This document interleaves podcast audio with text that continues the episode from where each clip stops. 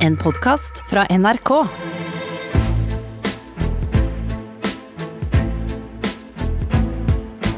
Trump mot verden med Gjermund Eriksen og Sean Henrik Matheson. God dag og god sommer, folkens.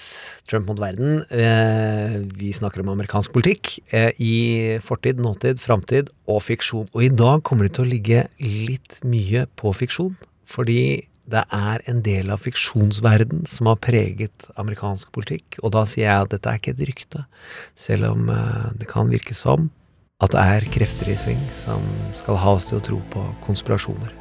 Og hva kan være bedre enn å snakke med konspirasjonsguru, konge, president og keiser Tom Egeland, som skriver om konspirasjoner, men er totalt fraværende av å tro på dem sjøl. Vi gleder oss.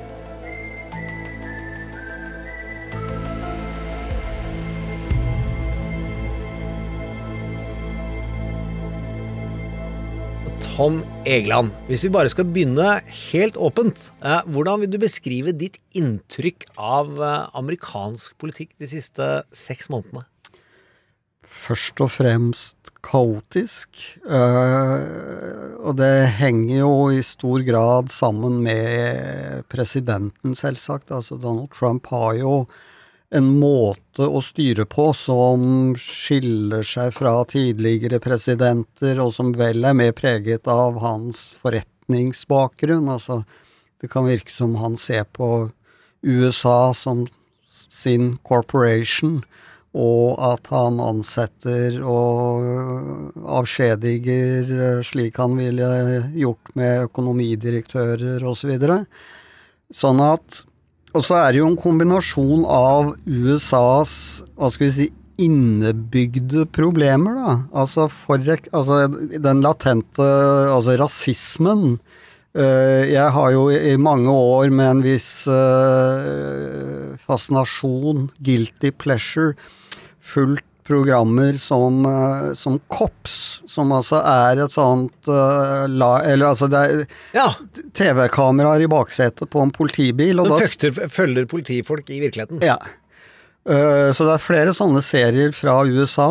Jeg syns jo det er morsomt å sitte indirekte da i baksetet under biljakter og pågripelser. Og der ser du jo alle disse situasjonene som du nå ser fra virkeligheten. Ja. Eller altså, Kops er jo også fra virkeligheten, men altså der ble jo ingen drept, da. Men blant annet Da blir det i hvert fall ikke sendt på TV. Nei, det, nei, det kan du si. Uh, altså annenhver en som blir pågrepet litt sånn hardhendt, mm. sier jo 'I can't breathe'. Uh, enten de nå kan det eller ikke.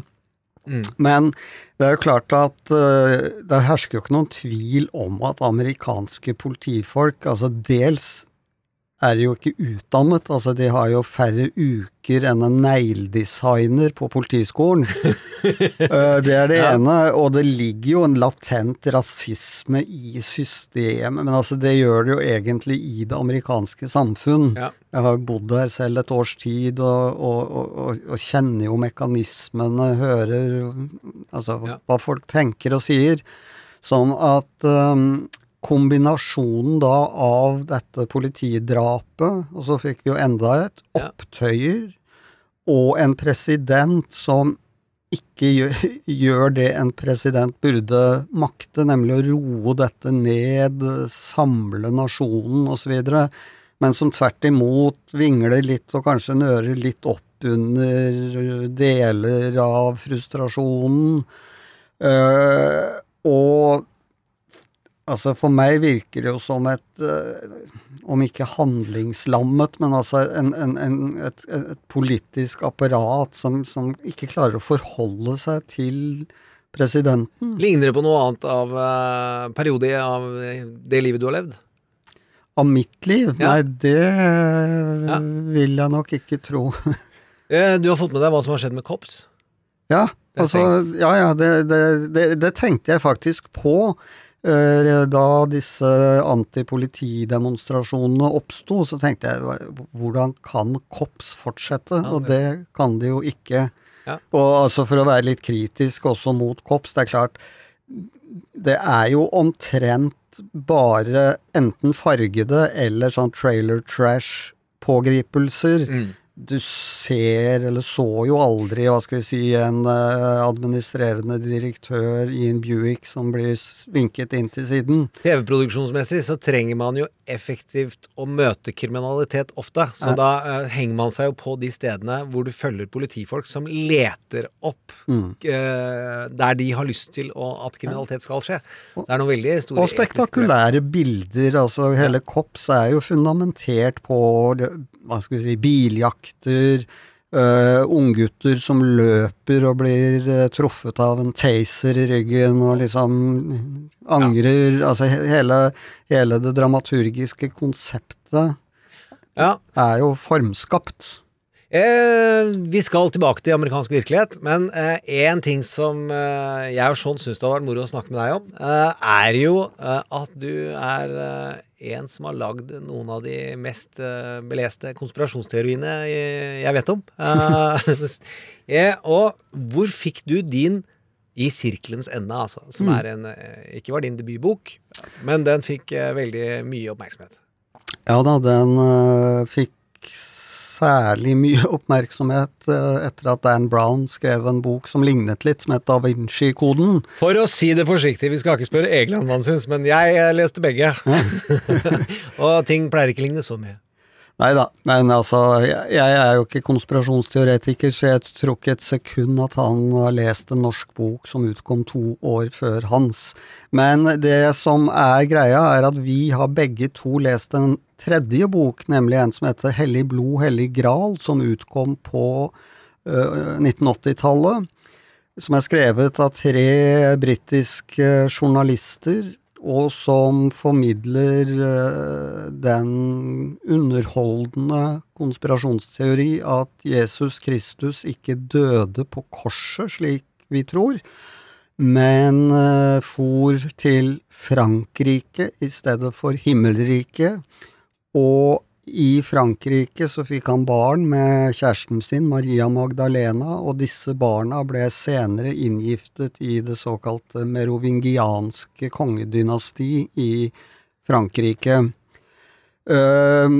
Jeg leste boken øh, på 90-tallet og tenkte for meg selv for noe men jeg tenkte samtidig, men for et fantastisk utgangspunkt for en, øh, kall det kriminalroman, eller spenningsroman.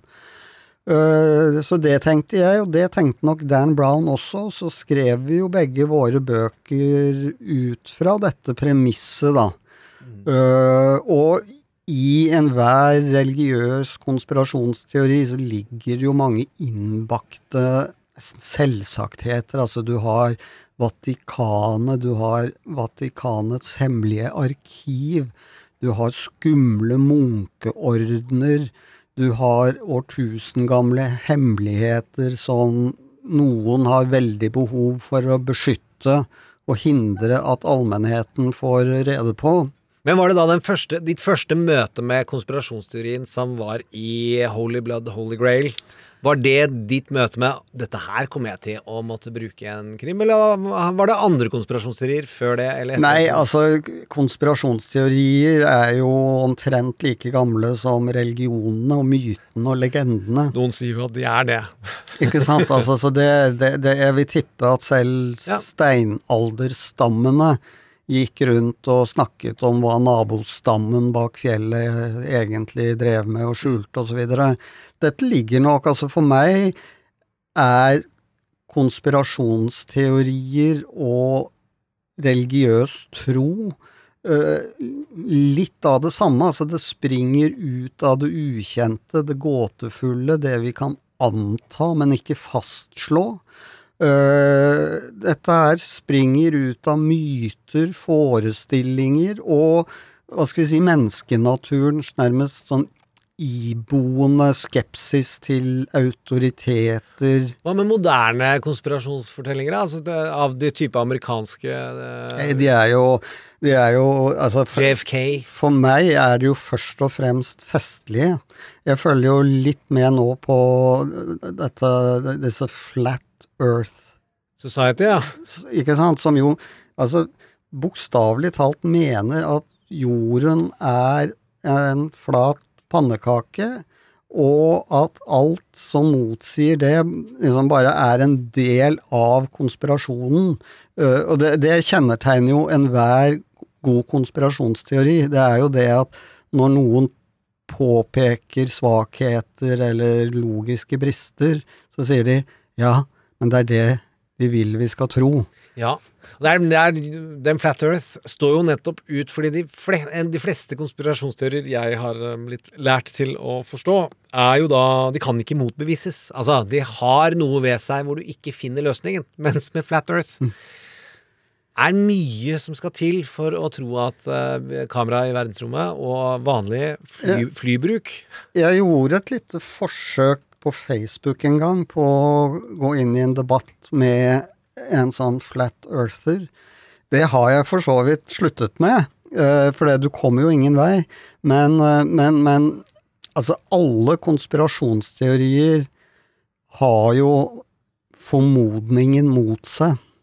Uh, selv om de springer ut av helt legitime kritiske spørsmål. Mm. Men altså, la oss ta et, et eksempel, da. Uh, altså 9-11. Altså tvillingtårnene falt ikke sammen som følge av flyene som fløy inn i dem, og brannen og stålet som smeltet, og liksom det som er den offisielle forklaringen. De ble altså ifølge konspirasjonsteorien sprengt i filler av amerikanske myndigheter eller CIA eller hvem det nå er. Men mitt enkle kontrollspørsmål er jo da hvor mange mennesker måtte være involvert i denne operasjonen? Altså, de må jo da inn i disse tvillingtårnene opp eh, x antall etasjer med tonnevis med sprengstoff som måtte plasseres rundt på mm. riktige liksom, i strukturen, riktige steder i strukturen, og snike seg ut igjen Uh, ingen som jobbet i tårnet har funnet det underlig. Ingen som har overlevd, har funnet det underlig. Og, og, og, og Hvorfor trengte du flyene?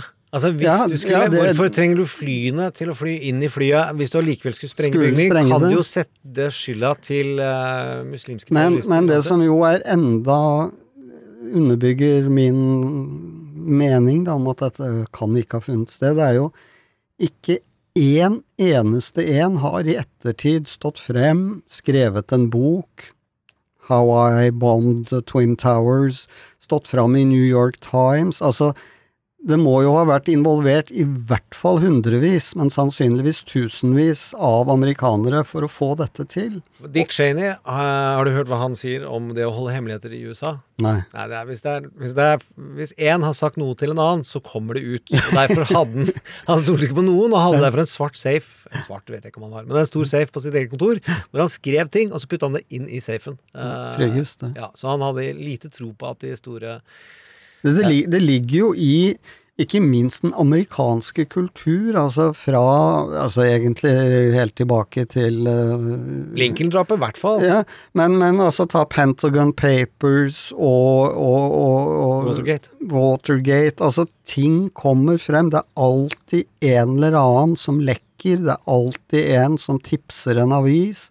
Det er alltid en som til slutt skriver en bok om det i hvert fall er hemmelig kilde for journalister.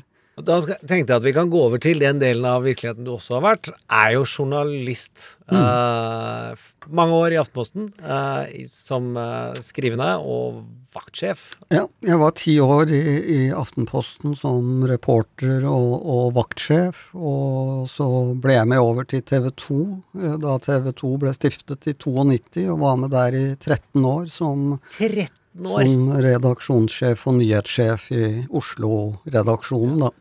Hva syns du om den største forskjellen på eh, journalistikken da og nå? Hvis vi da går midten av 90-tallet, da, og der vi er i dag.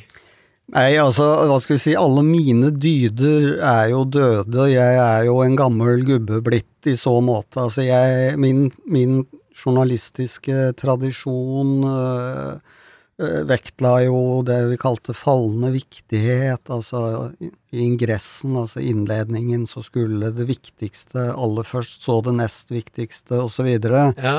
Uh, titler skulle så godt det lot seg gjøre, oppsummere sakens viktigste punkt. Du skulle ikke hekte deg til å klikke, er det det du sier? Ja, og, og sånn at svaret mitt på spørsmålet ditt er jo egentlig internett. For at med internett og, og internetts uh, måte å fungere på, så har det vokst frem en ny type journalistikk, som jo også da er drevet i stor grad av uh, behovet for klikk. Altså Mm. der hvor vi som lagde aviser i gamle dager, eller TV-nyheter, uh, vi opp, vi, var jo, vi trengte lesere, og vi trengte seere. I dag så trenger jo nettavisene klikk.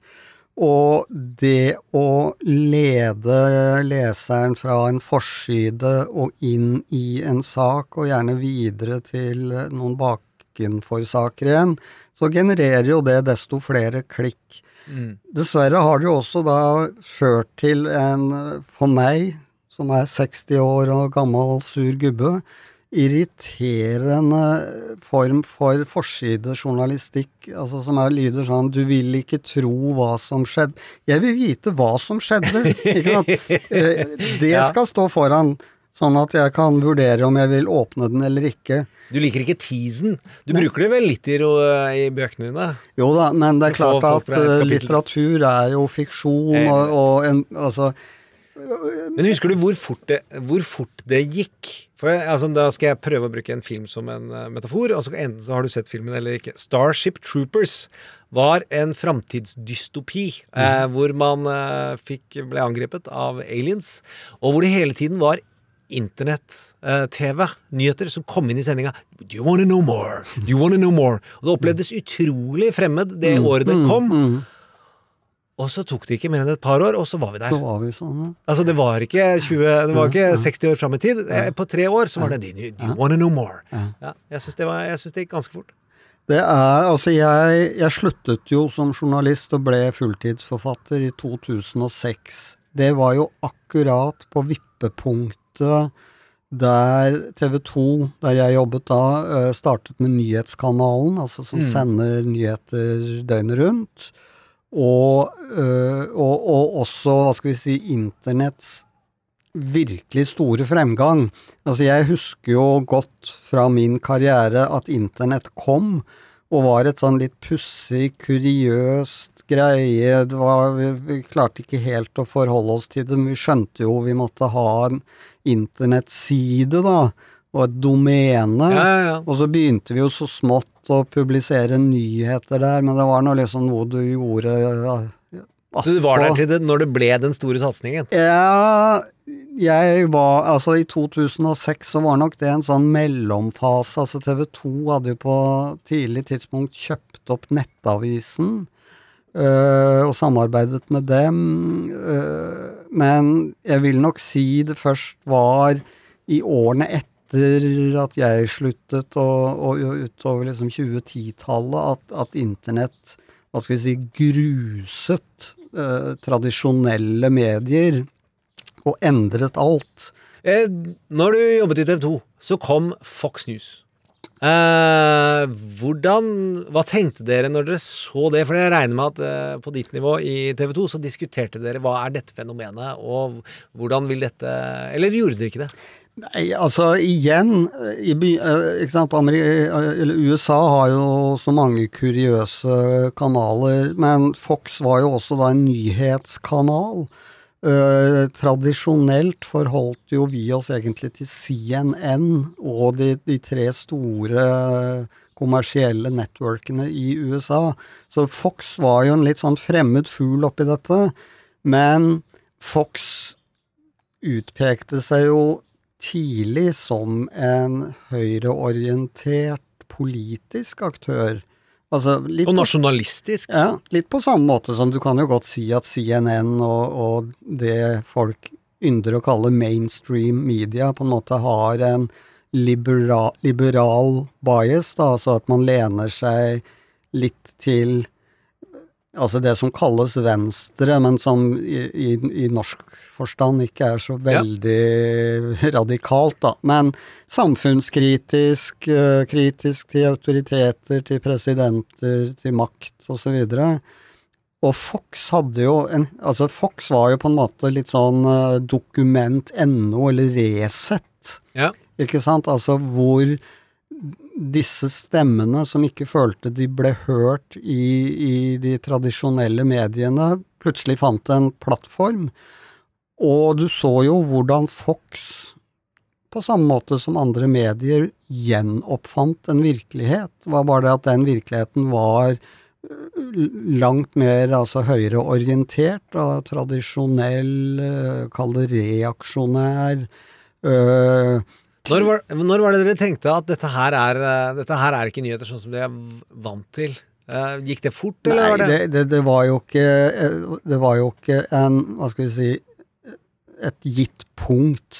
Dette her er jo Nei. inntrykk du får, på samme måte som du kan ikke se CNN eller Al Jazeera liksom én sending og konstatere hvor de er Nei. plassert politisk eller ideologisk.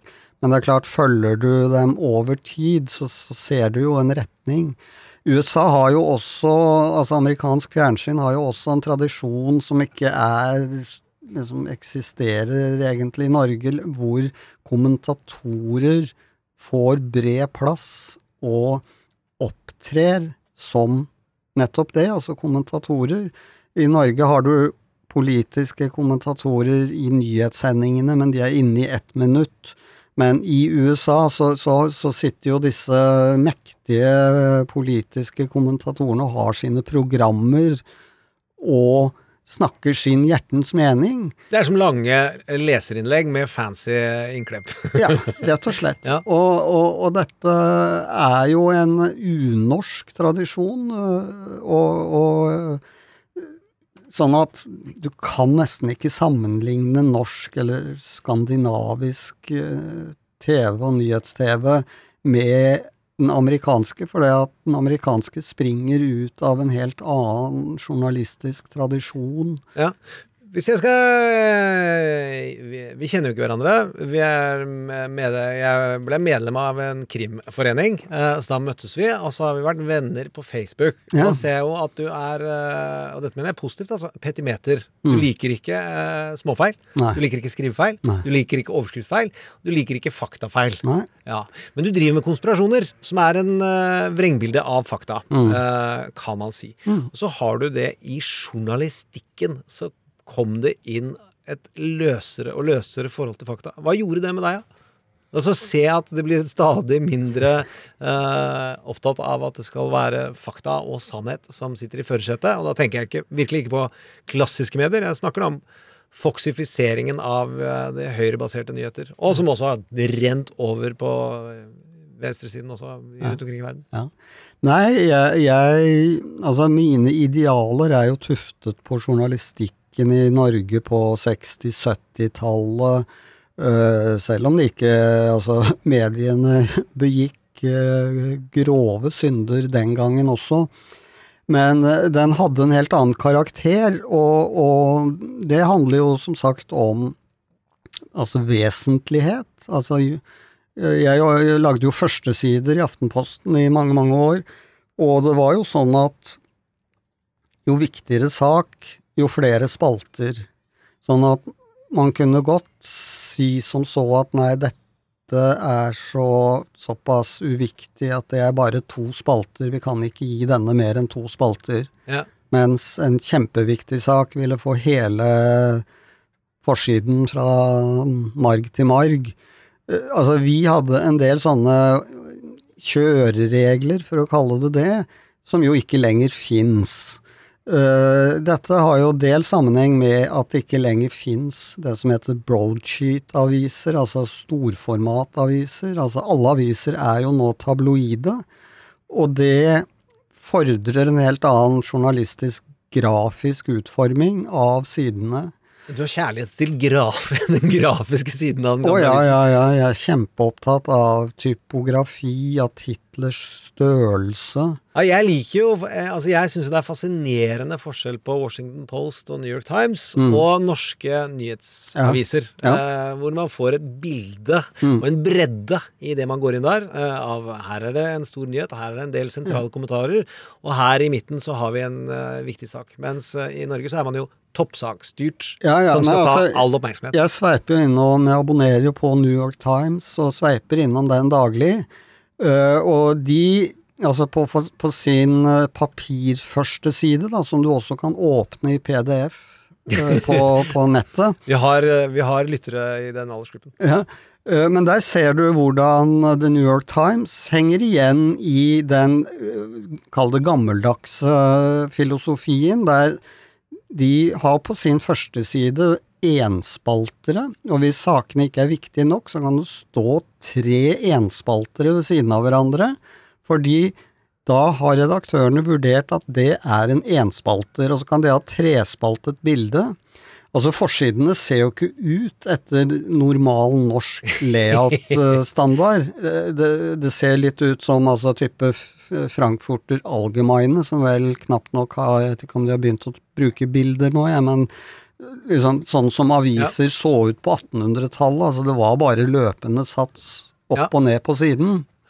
Og det, det er jo Altså, det er jo ikke det at jeg vil tilbake dit. eh, og jeg syns jo de seriøse norske avisene som har gått over til tabloid, har funnet en fin formel for å løse det uten å bli altfor markskrikerske. Og blir vi egentlig, for jeg er også tilhenger av den gode gamle eh, tiden der. Eh, litt å snakke om, det var bedre før uten mobil. ja. Nei, altså, jeg, på en måte har jeg meldt meg litt ut av denne, hva skal vi si, journalistiske debatten, for det jeg innser at jeg er yesterday's news, altså hva jeg mener og hvordan vi jobbet i 1982 er ikke relevant i en mediesituasjon og medieøkonomi som vi har i dag. Men eh, jeg, jeg går jo rundt og sturer med mine synspunkter, jeg gjør jo det. Eh, men det jeg tenker, eh, Tom, har du noen fiktive helter i journalistikken som gjorde inntrykk på deg? Altså, mine helter Altså fra fiksjonsverden. Ja, ja og nei. Altså, Bob Woodward og Carl Bernstein, som jo avslørte Watergate-skandalen som felte Richard Nixon tidlig på 70-tallet, de ble jo også helter i en film som het eh, Alle presidentens menn, basert på den dokumentarboken de skrev om opprullingen av Watergate-skandalen. Og da jeg på 1970-tallet fikk lyst til å bli journalist, så ville jeg jo bli som dem. Nettopp. Ikke sant? Altså langhåra, rufsete, du satt i redaksjonen til langt på natt. Eh, det var jo mitt De var mine idoler. De var jo virkelige. Eh, Bob Woodward er vel fortsatt, tror jeg, redaktør i Washington Han skriver mest bøker, men han er jo innom Det er ikke ofte han nå lager, eller altså skriver kommentarer. Mm. eh, men han pleier alltid å prøve å komme noe før valg. Så vi får se. Bank i bordet. Ja. De skrev jo også eh, en rekke andre bøker, altså blant annet en, en fantastisk bok som het The Brethren, altså Brorskapet, om amerikansk høyesterett eh, fram til et eh, gitt årstall, altså hva som Ja. skjedde på bakrommet, konfliktlinjene mellom altså konservative og mer liberale dommere osv. Fantastisk Moro. journalistikk. Ja. Den skal jeg sjekke ut. Den, eh, Eh, absolutt. Men de skrev den sammen? Ja, så vidt jeg husker, så var det et, eh, et, et samarbeidsprosjekt dem imellom. Amerikansk politikk i fiksjona, hva er det du har eh, bitt deg merke i der? Er det noen favoritter? Ja, altså Da må jeg nesten over på TV-seriemarkedet. trives der. Eh, det lages jo både på ja, HBO, Netflix og andre strømmekanaler fantastiske serier. Altså Du kan jo si veldig mye av det som før var altså, eller altså romanenes domene er jo nå overtatt av TV-seriene. Altså det er dit talentene går like gjerne som å begynne å skrive bok. Det er en annen, en annen debatt. Nei, altså nå for tiden, for eksempel, så ser jeg en serie jeg ikke hadde hørt om, men som uh, er ferdig, som begynte i 2016, tror jeg, som heter Designated Survivor. Uh, og det begrepet, det er faktisk reelt. Uh, en designated survivor er en som utpekes som fremtidig president hvis en dramatisk katastrofe skulle ramme den amerikanske president og visepresident og de andre liksom i kommandokjeden. Så denne serien åpner, åpner med at uh, Kongressen blir bombet sønder og sammen den dagen presidenten skal tas i ed. Uh, så, så altså, hele det amerikanske maktapparatet dør. Og en kar, jeg tror han var boligminister, altså han var en litt sånn uvesentlig type som egentlig var på vei ut av regjeringen. Mm, liberal og litt kjedelig. Ja, litt kjedelig sånn. Han blir plutselig USAs president. Og han spilles av Keefer Sutherland, ja. som da har flydd rundt i ni sesonger for å redde presidenter i 24 før. Ikke sant. Men altså, Designated Survivor har jo er jo litt sånn 24 møter West Wing. Ja, akkurat. Altså, det er jo en måte å sette sammen de to seriene på som er helt riktig. Ikke sant? Så, det som ga meg et utrolig klart bilde av Det hookes. Ja. Altså det er hver, eh, Hvert kvarter så skjer det noe veldig dramatisk, som er 24s virkelig styrke. Ja, ja, ja. Ja, ja. Det skjer noe hele tiden. Og så kommer de og dramatiserer enkeltpolitiske fenomener. For det er jo ikke lett å bli president når du heller Og så tatt livet av alle som hadde kompetanse på området. Ikke sant. Nei, så det er en fascinerende serie. Altså, er, jeg vil vel kanskje si at 24 var bedre som thriller. Men den er interessant. Altså, du, du får jo et innblikk Eh, relativt forenklet eh, i Det hvite hus sitt hva skal vi si, altså maktapparat, av hvordan de tenker og jobber i kulissene, hvordan de lager et spinn for å selge en sak eller tåkelegge noe. Og, og, og det litt interessante også er jo at uh, Tom Kirkman, som han vel heter, presidenten, altså Keefer Sutherland, er jo det dønn motsatte av Donald Trump. Altså, han, han, har han har bare gode tanker og gode intensjoner. Han vil spare mennesker for ydmykelse. Han er villig til å gå av når som helst. Ikke sant? Altså, han er jo en sånn Setter alltid nasjonen og de andre foran seg selv. og det amerikanske folk. Ikke interessert liksom, i penger. Og alt dette. Altså, han er så idealisert, men altså, sånn blir det jo ofte i TV-fiksjon. Altså, karakterene må ha, være tydelige. Men, ja, jeg syns de har blitt mer nyanserte, men, uh, men jeg, skjønner hva, jeg, skjønner hva, du mener. Men uh, forskjellen til uh, dagens sittende president, da, som jo for meg virker det som baserer sitt presidentembete på de motsatte dyder, altså, mm. han, altså higher and fire og utskjelling og æreskjelling. Det er, det er mørkt. Ja, altså, det... Husker du 24 da den kom? Å ja. ja.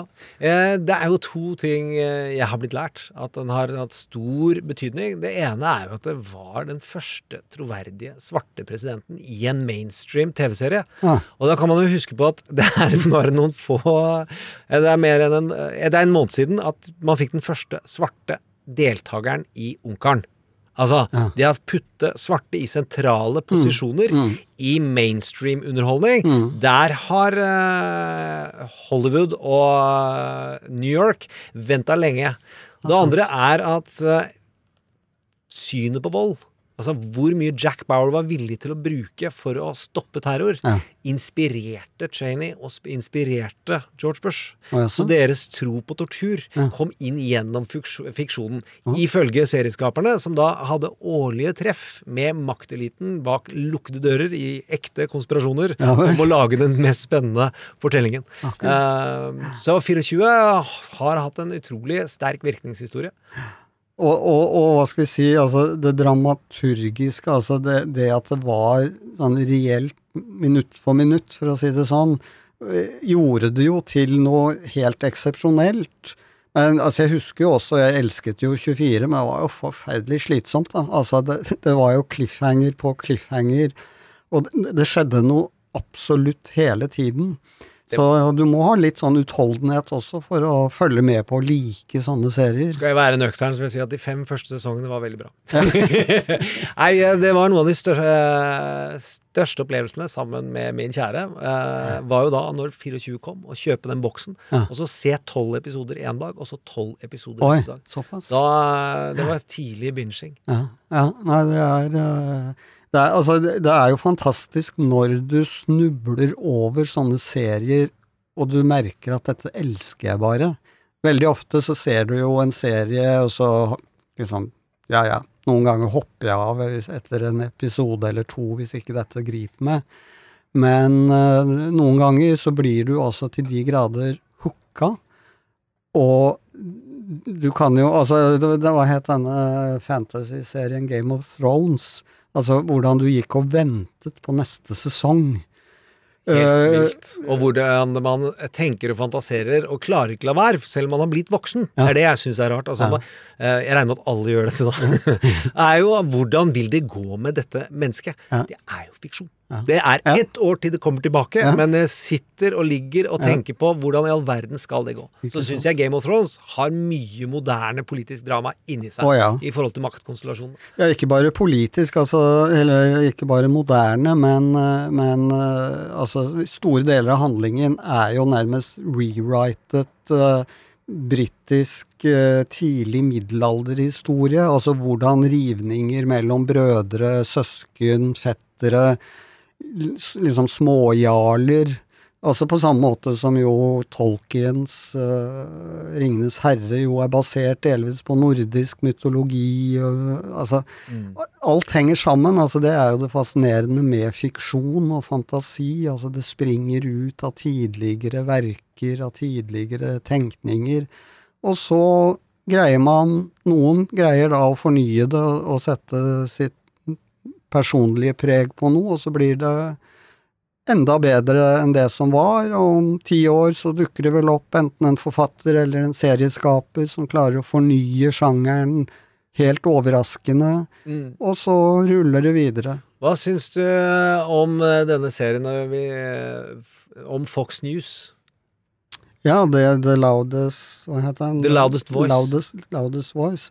Eh, Fascinerende serie, ikke minst fordi jeg jo er interessert i journalistikk og TV-nyheter, og det er jo det denne serien handler om. Men den handler jo også om hvordan politikeren, altså han som var sjefen for og bygde opp Fox News, var jo en politisk aktør og, og var jo toneangivende i å heise Donald Trump frem som en seriøs Uten Roger, ingen Donald. Ikke sant? Så, så Har du tro, tro på den konspirasjonen som den serien da lanserer? At det hadde ikke vært mulig uten Fox News' grunnleggende originalitet mm. i å polarisere det amerikanske samfunn og bygge og altså nærmest sementere en lojal velgerbase. Ja, altså i den grad det er en konspirasjonsteori og ikke rett og slett bare en politisk analyse, som det høres ut som for meg, Ja. så har jeg absolutt tro på at Fox News var helt instrumentell i å selge inn Donald Trump. Altså, de av oss som har levd noen år, husker jo hvordan Donald Trump var en vits. ikke sant? Han var jo en sånn reality-TV-stjerne. Og da han, husker jeg, liksom første gang annonserte muligheten for at han skulle bli president, det var jo aldeles latterlig, ikke sant? Fnys, fnys, fnys. Han var jo bare en fjott, Ja. ikke sant, med oransje hud og rart hår.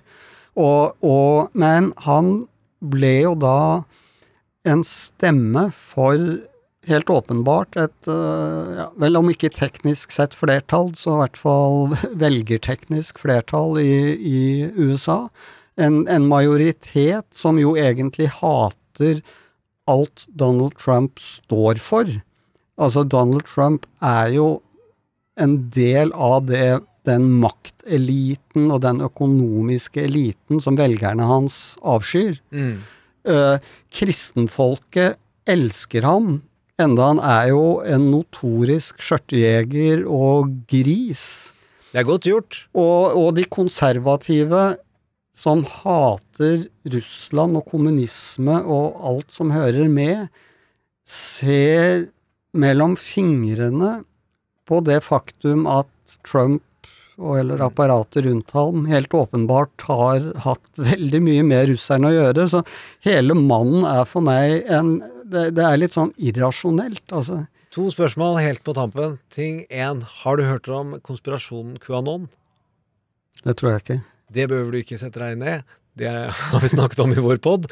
Men det er jo da degenerering av alle konspirasjonsteoriene, hvor man har prøvd å lage en smeltedigel av Mhm. alt, og som nå vokser i styrke i USA. Eh, Det andre spørsmålet hvorfor heter Bjørn Belte Bjørn Belte? Din hovedkarakter i konspirasjons... Jo, det skal jeg si Eh, deg. Bjørn Beltø er satt sammen av to av pseudonymene til min oldefar, som i likhet med meg var forfatter. Eh, han hadde en, et pseudonym som var Bjørn Botnen, som han skrev noen bøker som, og han hadde Sven Beltø, som var et annet pseudonym. Så da jeg lette etter navn til min hovedperson da jeg skrev Sirkelens ende på slutten av 90-tallet, så ble det en slags homasj fra meg til oldefar ved å sette sammen Dette og hans liker jeg veldig godt. Hvor mange pseudonymer hadde den? Å, mange, men han var jo Altså, han skrev vanvittig mye. Han var sin tids blanding av Jo Nesbø og Margit Sandemo. Altså, han var jo Altså, alle leste Han var ikke på norsklærerpensumet. Nei, altså, han var jo svirebror med storheter Nei, han het Jon Flatabø, han er totalt ukjent i dag, men han var svirebror med Hamsun og Falkberget. Og, og sin tids eh, store navn. Han var en del av Kristiania Bohemen. Han, eh, men han, han ble lest av allmuen, altså han ble lest av alle disse Som Ibsen og, og Bjørnson hadde sin samtidige i en som het Munch. Ja. Som var mer populær enn Ibsen og Bjørnson, eh, men som eh, da ikke historien noterte helt ned. Ikke sant? Så, så min oldefar er, er glemt av alle andre enn litteraturvitere videre. Dette syns jeg var vakkert. Men, eh, men jeg lar ham på sitt vis da leve videre som Bjørn Belte. Nei, tusen takk for at du kom. Eh, og så får du ha en fortsatt eh, god sommer. I like måte.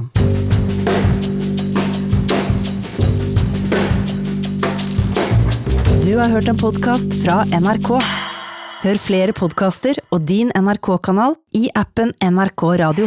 En podkast fra NRK. Hva med en podkast som plukker ut de viktigste nyhetene for deg? Både fra Norge og verden. Og som snakker om dem på en sånn måte at du ikke klarer å la være å høre på. En snarvei til skikkelig peiling. Hør nyhetspodkasten Oppdatert Med meg, Ragna Nordenborg. i appen NRK Radio.